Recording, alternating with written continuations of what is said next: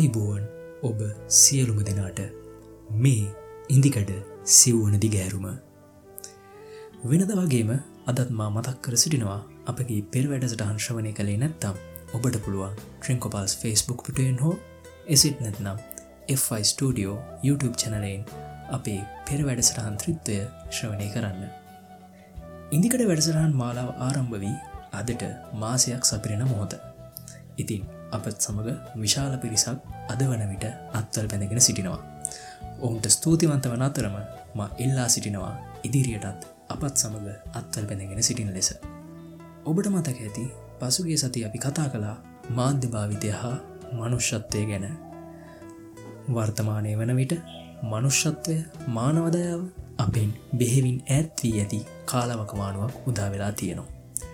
මට මතකයිම පසුගේ සතිය දවසක දකිනවා එක් පුවතක්. නිවසක් ඉදිරිපිටින් ගැන සුනකෙක්ට ඉතාමත් කරූර ලෙස වෙඩි පහරක් කෙල්ල කරන පුද්ගලය ගැන තමයි ඒ පුවතේ සඳහන් වන්නේ.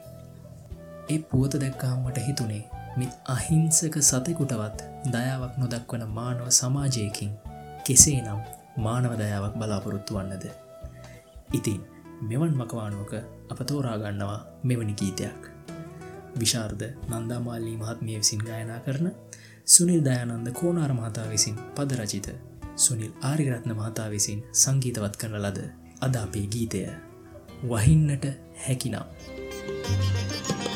වහින්නට හැකිනම් ගිගුම්දී වියලිගම්බිම් වලට ඉහරි මදුරංග එහෙනම් ඔබට බාරයි මයික්‍රෆෝනය සහන් අපි පුංචි කාලෙදී වැඩිහිටියන් ගුරුවරුන් අපෙන් අහපු ප්‍රසිද්ධ ප්‍රශ්නයක් තිබුණා. ලොකු උනාම වෙන්න කවුද කියල. ඉතින් අපිත් ඉඳල හිටලා පුංචි දරුවන්ගෙන් මේ ප්‍රශ්නය හනවා ඉතිං ඒ දෙන්න උත්තරවලිනුත් ප්‍රසිද්ධ උත්තර කිහිපයක් තිබෙනවා.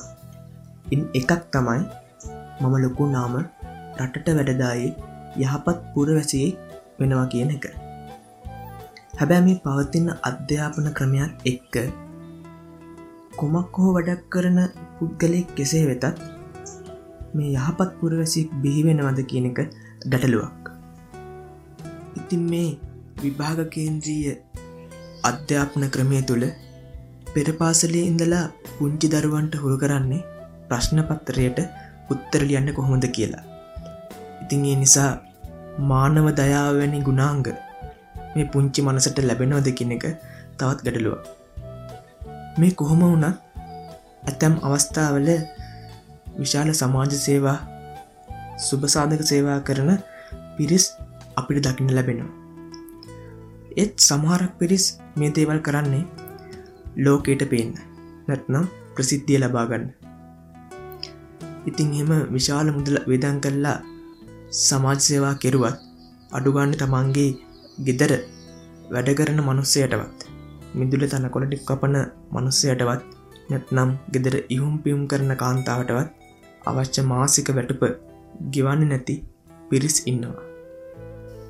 එවැනි වටපිටාවත් සහිත සමාජයකට මේ නන්දා මාල්නය විසින් ගායනා කරන ගීතය සර්ව කාලින්න වෙනවා.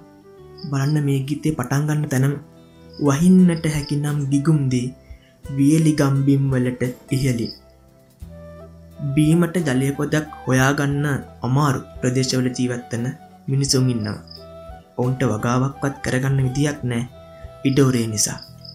එවැනි පොළවකට මහා වැස්සක් වෙන්න පුළුවන්න ඒ ප්‍රාර්ථනයම මොනතරම් උදාරයිද ඔබ දන්නවද මේ ගතවෙන්න සෑම මිනිත්තුවකටම වරක් ලෝකයේ කොහේ හෝ තැනක කුඩාදරුවන් තුන් හතර දෙනෙක්වත් අවම වශයෙන් මේ යනවා කුසගින්න නිසා අපේ අසල්ලසි ඉන්දියාවෙත් අතටත් සමහර ප්‍රාන්ත තිබෙනවා කුසට ආරක් නැතුව මිනිස්සුමිය යන නමුත් ඇමරිකාව වැනි රටවල් වල චීස් බටර් සහ වෙනත් ආහාර ද්‍රව්‍ය කඳුගන්නන් අපත යනවා විනාශ කරනවා. ඉතිං එවැනි ලෝකයක් තුළ ඉදෙන්න්නට හැකි නම් බතක්කී බතක් නොයි දෙන්න පැලක රහසින් මෙවැනි ප්‍රාර්ථනයක් කරන්න පුළුවන් වෙන්නේ අර උතුම් මානශය ගුණාංගවලින් සපිරුණු මිනිසෙකුට පමණයි. ඉතිං ඒ නිසා සහන්නම විශ්වාස කරනවා මේ ගීතය අනිවාරයෙන් අපේ කුඩා දරුවන් ඇසේ යුතුම ගීතයක්. ඒ වගේමයි සහන් අපි කරන පුංචි දෙයකින් තවත් කෙනෙක්ගේ ජීවිතයට ආලෝකය ලැබෙනවනම් ඒ මොන තරම් සතුටක්ද මට මේ වෙලාය මතක්කෙනවා කැලුම් වැලිගම විසින් රචනා කරපු ජීවිතය වෙනස් කරන කතා නමින් පලවුණු කෘතිය ඒ පොතේ එන එක කතාවක් මෙන්න මෙහෙම. දෙවන ලෝක යුද සමේදී ජනමාත්‍ය වේදකු විදියට සේව කරපු පුද්ගලෙක් හිටිය. තමන්ගේ වෘතිය තුළ සැලකේ යුතුයමක් කරන්න බැරිවුණා කියන හැඟීම ඌගේ හිතේ නිතරම තිබුණා. තමාට ජනමාධ්‍ය වේදකු විදිහට ජනප්‍රීවෙන්න බැරිවුණා මිනිස්සුන්ගේ ජීවිත වෙනස් කරන යමක් ලියන්න බැරුණා කියන දුක ඔහුගේ හිතේ තදින්ම තිබුණා. පරණ පත්තර කාරෙල්ලු හැබැයි මමනං ඔය මනුස්සයගේ නම කවදාවත් පත්තරයක දැකලනෑ ඒත් ඉතින් හොඳ මිනිිය කාටවත් කරදරයක් නෑ. වටේ පිටේ මිනිස්සකුවී එහෙමයි. මෙන්න දවසක් මේ අප්‍රසිද්ධ පරණ පත්තර කාරයට එංගලන්තයේ තිබෙන ප්‍රසිද්ධ රූපහානී නාලිකාවකින් දුරකතන්න ඇමතුම ලැබෙනවා. ඇත්තට මේක පුදුමයි. ජනප්‍රිය රූපහන්නේ වැඩස්ථානකට ඔහුට ආරාධනාවක්. රූපවාහිනී නාලිකාවකින් වැඩසටහනකට ඔහුට ආරාධනා ලැබෙන ප්‍රථම අවස්ථාව මේක. දැන් ඔහුගේ වයස අවුරුදු අසුවයි. ඉතින් ඔහු මේ වැඩසටහන්ට ගිය. ඇත්තට මේක ඔහු හිතුවට වඩා විශාල ජනප්‍රිය වැඩසටහනක්. ඒත් ඇයි මට කතා කළේ? ඔහු නිහඬව ප්‍රශ්න කළ. විශිෂ්ට ලේකකින් ජනප්‍රිය නරු නිලියන් ප්‍රවීණ විද්‍යතුන් මීට කලින් සහභාගි වෙලා තිබුණ ඒ දැවන්ත වැඩස්ටානට මෙයාට කතා කළේ ඇයි කියනදේ එයාගේ බිරිඳට ප්‍රශ්නයක්. වැඩසටහන බලන්න ඒ ස්ටඩියෝට ප්‍රේෂ්ෂකින් දෙනවා. ඔවුන් වටේට වාඩි වෙලා බලාගෙන ඉන්නවා. නිවේදිකාව සහ ආරාධිතයා මැද තිබෙන වේදිකාවක මුහුණට මුහුණ අසුන්ගෙන කතා කරනවා. ඔහොම තමයි වැඩේ සිද්ධ වෙන්න.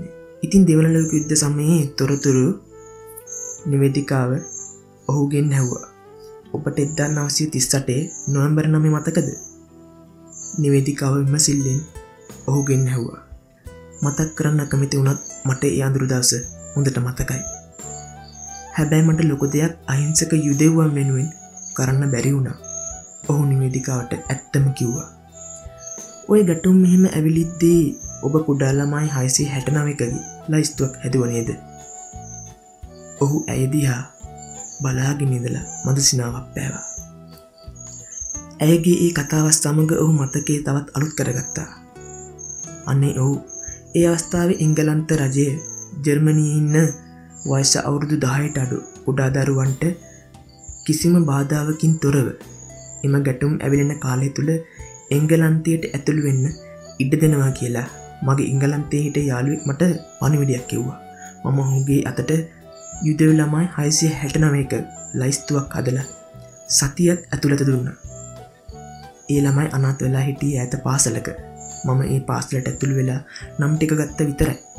මම ඒ නම් දීලා ළමයි ඉන්න ස්ථානය අදාල් නිරධාන්ට කිව්ව පමණයි. ඊට පස්සේ ඊට පස්සෙ මොක උනන්ද කියලා මම දන්නේ නෑ මන් දෙවනලක යුද්ධ කාලේ යස්සරන මිනිස්සු වෙනුවෙන් කළ එකමදේ ඒක තමයි. මම හිතන නෑ කවුරුවත් බේරෙන් නැති කියලා. මොකද ඒ පාසලටත් නරුමනාසින් පහර දුන්න කියලා මම පස්ස දැනගත්තා. ඔහු හිස පහත් කරගෙන කිව්වා. ඔයා එහෙම බේරපු කෙනෙක් තමයි මම. ඇය ඔහු දෙස හෘදයාංගම බලන්න ගමන් කිව්වා. එක්වරම ඔහු ඇයගේ මුණදිහා විමසිල්ලෙන් බැලුව. පුදුමයට පත්වන ඔහු නිකමට වගේ වටපිට බැලුවා. මුළු ප්‍රේෂ්චකාගාරයම නිහඬව ඔහු දියා බලාගෙන ඉන්න අයුරු ඔහුට පෙනුණා. ඔහු ඇයදියා තවත් සුපරිෂ්ඨායෙන් බැලුවා. ඇයගේ දැන්වයිස අවුරුදු හතලයක් විතර ඇති. ආසන්න වසින් මීට අවුරුදු තිස් පහකට කලින් ඔහු ලබාදුන්න ලම්ලයිස්තුවේ ඇගේ නමත් තිබිලා. මේ කතාවෙන් ඔහු පුදුමයට පත් වනා. ඒ වගේ වචනයෙන් පැහැදිලි කළ නොහැකි සතුටක් ලැබුව.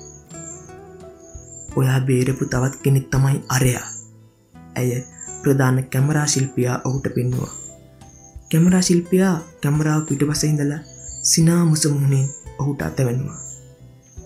මට පුදුමයි එහෙම උන්නේ කොහොමද. ඔබ ලබාදුන්න ලයිස්තුව මීට මාස තුනකට පමණ ඉස්සෙල්ල. පැරණි රාජ්‍ය ලිපිගොන් නොක තිබිලා අපේ ආරශ්‍යක අමාත්‍යංශ මගින් මට ලැබුණ ඒ ඔස්සේ මම තොරතුරු ගවේචනය කළා එහිදී ඒ මිනිස් ජීවිත වෙනස් කළ නම් ලයිස්තුව සැකසුවේ ඔබ කියලා අපි හොයාගත්තා. ඔබ දන්නවද? අද මේ මුළු ශාලාවම පිල්ල ඉන්නේ ඔයා දුන්න ලයිස්තුව හිටිය ඒ ළමයිගෙන්. ඔයාගේ කරුණාව හින්ද අපි හැමෝම එදා බේරුණ. ඔය තමයි සැබෑ මවපියා අහිමුණ අපි හැමෝගෙම අම්ම වගේම තාත්ත වුණේ. ශාලාව හිටපු සියලුම දෙනා නැගිටලා ඔහුට ආචාර කළා. ඔහු විස්මයෙන් තමා බේරපු ජීවිතවල සජීවී සිනාවේ සතුටත්වින්ද ඕගේ නැතින් කඳුල්ලු කැට ගලා එන්න පටන් ගත්තා. ඔබ කරන පුංචි සත්කාරයකින් ඔබගේ ජීවිතය වගේම අනෙක් හැමෝගෙම ජීවිතත් වෙනස් වෙනවා. අන්න ඒ නිසා ලොකු ලොකු දේවල් නොකළත් පුංචි හොඳ දේවල් කරන්න. ඒ පුංචි දේවල් වල ප්‍රතිඵලවල සතුට පස්සෙ ලොකොට ලැබෙනවා. ස්තුතිමදුරංග එසේ නම් රසවිදිමු එම ගීතය. නැවතත් ලබන සිකුරාදා හමුුවේ බලාපොරොත්තුවෙන් අදට අප සමුගන්නම් ඔබ සියලුම දෙනාට තෙරුවන් සරණයි. මම සහන් සමරසිංහ.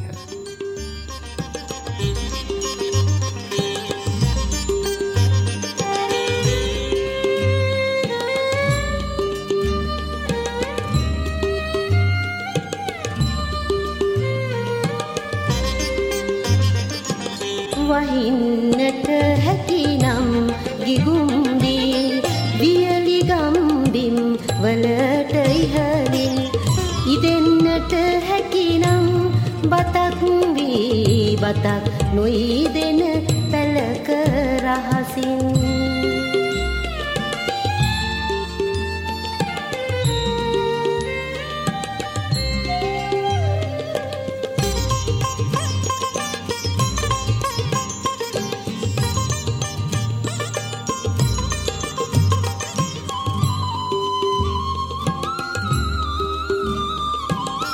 රැඳෙන්නට හැකිනම් ළමා කැල හඬන දෙතොළග සිනාවක් වී පිපෙන්නට හැකිනම් තුරින් තුර නෙලාගත හැකි වන මලක් වී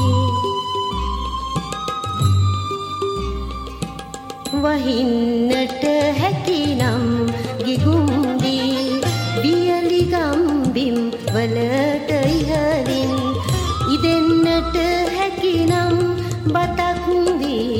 වී බතක් නොයිදෙන පැලක රහසින්.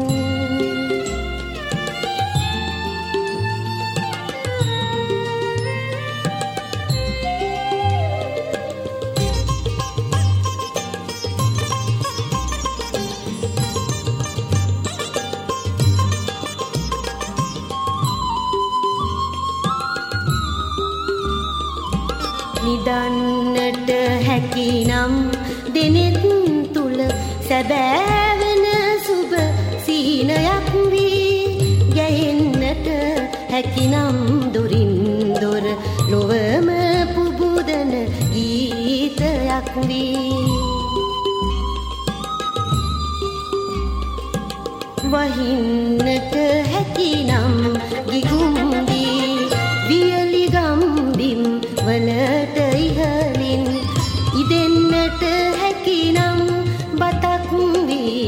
බතක් නොයිදෙන පැලක රහසින්